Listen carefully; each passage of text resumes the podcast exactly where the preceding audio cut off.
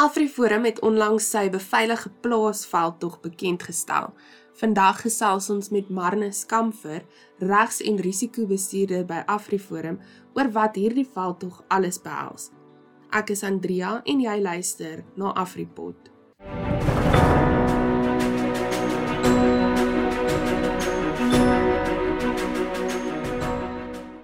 Welkom by ons vandag Marnus en dankie dat jy tyd gemaak het om oor hierdie belangrike kwessie te gesels. Dis 'n groot plesier.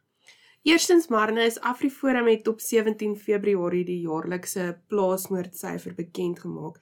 En verlede jaar is 63 mense vermoor in plaasaanvalle.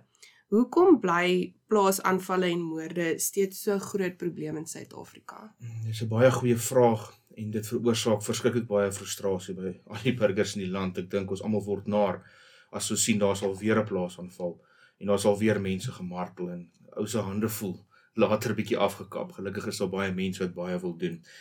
Ek dink een van die grootste probleme is en dit is wat uh, eh, Dr. Theo die Jager ook aangeraak het, is dat die plase ongelukkig ver afgeleë is.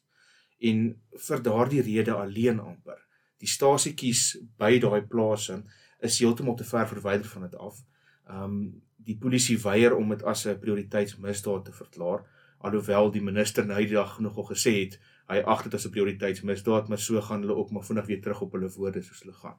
Um dit is nie by al die aanvalle die geval nie maar baie van die aanvalle sien ons dat daar ongelukkig buitelanders baie betrokke is en op die ou einde het Dr. Theodore Jager dit ook aangeraak is dat die mense baie verarm is in landelike gebiede baie honger is. Nie dat dit 'n verskoning is om iemand te gaan doodmaak of om 'n uh, misdaad te gaan pleeg nie, maar dit maak die versoeking meer. So ek dink as ou al daai elemente in ag neem, um, is dit waarskynlik die grootste redes vir hierdie aanvalle. Afriforum het onlangs sy beveilige plaas veldtog bekend gestel. Kan jy vir ons 'n bietjie meer vertel van hierdie veldtog en wat dit alles behels? Graag. Ons sien op gereelde basis en uh, dit is dis vir ons baie goed dat boere ernstig terugbaklei by plaasaanvalle. Hulle is nie soos hondjies wat op hulle ruggies lê en sê wel, dis nou maar so nie. En ons wil graag op hierdie boere se behoefte om terug te baklei bou en hulle verder ondersteun en hulle help. Hierdie hele projek of uh, veldtog altans is daarop gebaseer dat ons na die boere en hulle families na die plase toe gaan waar hulle bly en hulle help om die veiligheid van hulle plaas en die plaashuis uit die aard van die saak lekker te assesseer en te sê kyk bietjie na die die wering um, met jou hond in die huis. Hoe lyk jou honde buite die huis? Dit is nou simpel voorbeelde. Is daar grys klippe voor jou kamervenster? Wat is 'n belaglike ding klink, maar as ou op grys loop, jy kan so mooi trap as wat jy wil jy hoor hom dadelik en veral daar op die plaas hoor 'n ou mos geleide trek aansienlik verder. Ons help met daai assessering, ons gee insette. Ons sê jy moet asseblief hierna kyk of hierdie van jou is reg en ons het 'n vasgestelde vraelys in 'n boekie wat ons saam met hulle deur dit gaan en vir hulle los op die ou einde sodat hulle kan onthou waar hulle aandag moet gee. Saam met dit gaan ons uh, opleidingssessies fasiliteer, uh, die belangrikste opleidingssessies om die boer in staat te stel om homself en sy familie te beskerm, maar ook vir die familie om te help om die boer te beskerm as dit nodig is. En die sessie sluit in noodhulp, ehm um, die gebruik van 'n vuurwapen in en om die huis, die wetlike aspekte gekoppel aan noodweer, wanneer kan jy daardie wapen gebruik? Want dit help tog nie jy die wapen en jy begin blindelings rondskiet nie, jy moet weet presies wanneer om te trek en jou ding te doen. En dan help ons hulle om scenario's te skep in hulle koppe sodat hulle op gelegener tyd saam met hulle familie hierdie goed kan oefen. Hierdie scenario's sê hierdie gebeur, hoe reageer ons? Wat doen ons nou? So dit is maar um, in 'n netedop wat ons gaan doen in hierdie veld tog en dan laastens uit die aard van die saak gee ons vir hulle 'n digitale radio om hulle te help om 'n kommunikasienetwerk te vestig. Jy sê nou een van die aspekte van die veldtog is om vuurwapenopleiding aan die boere te verskaf. Hoekom is dit so belangrik dat boere gewapen is? soos ons nou-nou gesels het, ehm um, sien ons al hoe meer hoe boere terugbaklei. En hierdie persone wat die boere aanval op die plaas, kom ongelukkig baie keer met wapens, ehm um, groot kapmesse, ehm um, of ander dergelike toerusting en uitrusting om die boere meer seer te maak. So as die boer sy wapen by hom dra op gereelde basis, weet hoe om hom te hanteer, dan maak dit die speelveld darem baie gelyk. Um, kom ons gebruik 'n voorbeeld. As daar 'n groot 150 kg man instap by die plaashuis en hy het miskien die boer uh, vasgemaak en ook die boer se vrou en daar is 'n dogtertjie van 11 jaar oud wat toevallig saam met pa bietjie gaan skiet op die skietbaan, weet hoe om die ding te gebruik, weet hoe om by hom uit te kom. En hy stap in die kamer aan om haar iets aan te doen. En sy kan by daai geweer uitkom maak dit die speelveld darm baie lekker gelyk. Um hy gaan waarskynlik nie baie ver kom as hy weet om daai ding te gebruik nie. So die die vuurwapen hantering self is bitter belangrik. Ehm um, want soos ons nou vir mekaar ook gesê dit help nie 'n ou skiet blindelings of weet nie om die ding te gebruik nie of die ding stoor wat doen ek nou nie. So ons fokus daarop sodat die ouene situasie, hy en sy familie weet presies hoe om die ding te hanteer, hoe om in die huis te loop met hom en hoe op die ou einde mekaar te beskerm met hom. Dan het jy ook bietjie gepraat oor die digitale radio's wat ehm um, Afriforum beoog om aan die boere te skenk soos nodig. Kan jy dalk vir ons verduidelik, verduidelik wat is 'n digitale radio en waarvoor kan 'n boer dit alles gebruik? Ou kan baie tegnies ingaan op die goed want hulle kan die wonderlikste goed doen deesdae die digitale radio's en ons gee nogal duursame um, goed vir die boere om te gebruik. Maar ons behoefte op die ou einde is dat hulle hierdie radio vat. Ons gee hulle opleiding daarin ook uit die aard van die saak. Ons gooi nie net die radio na neer en sê as hy boer sterk te nou nie. Ons wys presies vir hulle hoe dit werk of wat die radio alles kan doen. En ons wil op die ou einde hê dat daardie boer se bure, omliggende bure ook hierdie radio sien, ook sien, maar dis 'n wonderlike stukkie ding. Ehm um, kom ons kry vir ons ook van dit en kom ons kommunikeer op 'n gereelde basis met mekaar. Klein selletjies. 'n Ou begin by 2 of 3 bure. Later gaan hierdie selletjies waar mense gereeld met mekaar kommunikeer, saamsmelt en 'n groter radionetwerk vorm. Mense kommunikeer, hulle weet presies wat aangaan op mekaar se plase. Hulle raak meer en ek gaan 'n lelike anglisis nou gebruik familier met mekaar. Um en hulle dit stel hulle in staat om meer met mekaar te gesels, mekaar uit te kom, stories te deel, opleiding te deel en mekaar die vrymoedigheid te gee om dadelik op te tree sonder om te huiwer sou daar plaasaanval plaasvind. So natuurlik is dit dan 'n onmiddellike noodkreet wat hulle kan uitstuur na hulle na hulle bure toe. Inderdaad, hulle gaan letterlik die radio roepe moet doen elke aand Ehm um, kom ons sê die een ou se roepsin is 9 delta 1.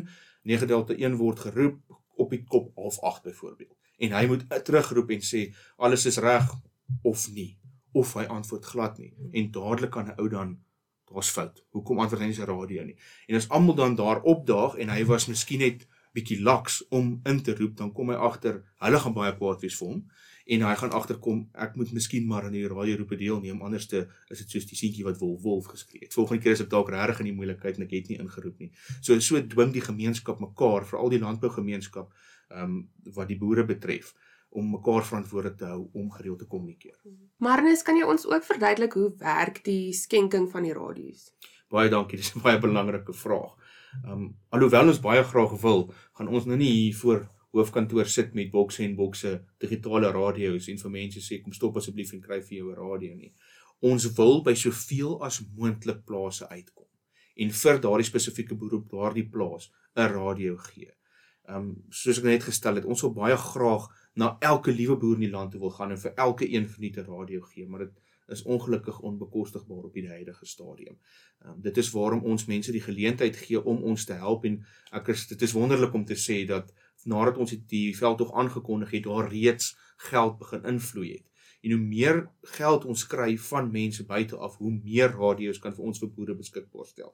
Alhoewel ons op kapitaal van ons kant af gaan stoot om dit te laat realiseer, gaan ons soveel as moontlik boere help. Maar om te sê dat ons by elke liewe boer gaan uitkom en vir elke liewe boere radio gee, is ongelukkig op die huidige stadium nie moontlik nie, behalwe as ons in die volgende week of 2 um regtig mense kry wat baie geld vir ons gee wat wonderlik sal wees. Want hoe meer ons inkry hoe meer kan ons doen. Dit is hoekom ons nou gesê het dat as op die plaas is en ons het die digitale radio en die opleiding wat ons vir die boer gee dan hoop ons dat 3 of 4 bure om hom dit ook sien en ook vir hulle die radio gaan koop om saam te kommunikeer um, op die radio netwerk. Maar om af te sluit ek gaan myself miskien herhaal um, ons gaan kapitaal instoot om radio's beskikbaar te stel, maar hoe meer skenking ons van buite af kry, hoe meer radio's gaan ons kan beskikbaar stel vir die boer. Buiten vir hierdie veld tog Marnus, wat moet nog gebeur sodat boere veilig op hulle plase kan voortleef? Het ons die regering se hulp nodig of is hierdie iets wat gemeenskap op hulle eie kan doen? In 'n perfekte wêreld wil ons asseblief die regering se hulp hê. Ehm um, daar is 'n polisie mag daar gestel Maar ons het nou al by monde van die polisie minister en nasionale kommissaris gehoor jammer artikel 205 van die grondwet sê ons moet julle oppas. Ons moet julle goed oppas. Ons moet ehm um, sake ondersoek. Maar ons het nie die vermoë om dit te doen nie. Ons is baie jammer. Ons het eenvoudig nie die hulpbronne nie. Ons het nie die mannekrag nie. En deur dit te sê, sê hy amper vir ons, luister julle is op julle eie. Maar daar is baie drukgroepe en Afriforum sal ek sê is is heel voor amper in daai ry om vir hulle te sê kyk na hierdie probleem, kyk na hierdie situasie, julle moet iets daaraan doen. En wat gaan doen hulle toe? Hulle skep hierdie landelike veiligheidsplan. Wat pragtig is, julle moet die dokument sien. Dit dit dit, dit lyk regtig wonderlik. Maar daar's 'n man wat saam met my werk in die afdeling wat so mooi beskryf, dis 'n papiertier. Hy's daar, maar hy word nie geïmplementeer nie en daar word nie regtig ernstige aandag daaraan gegee om dit te implementeer nie.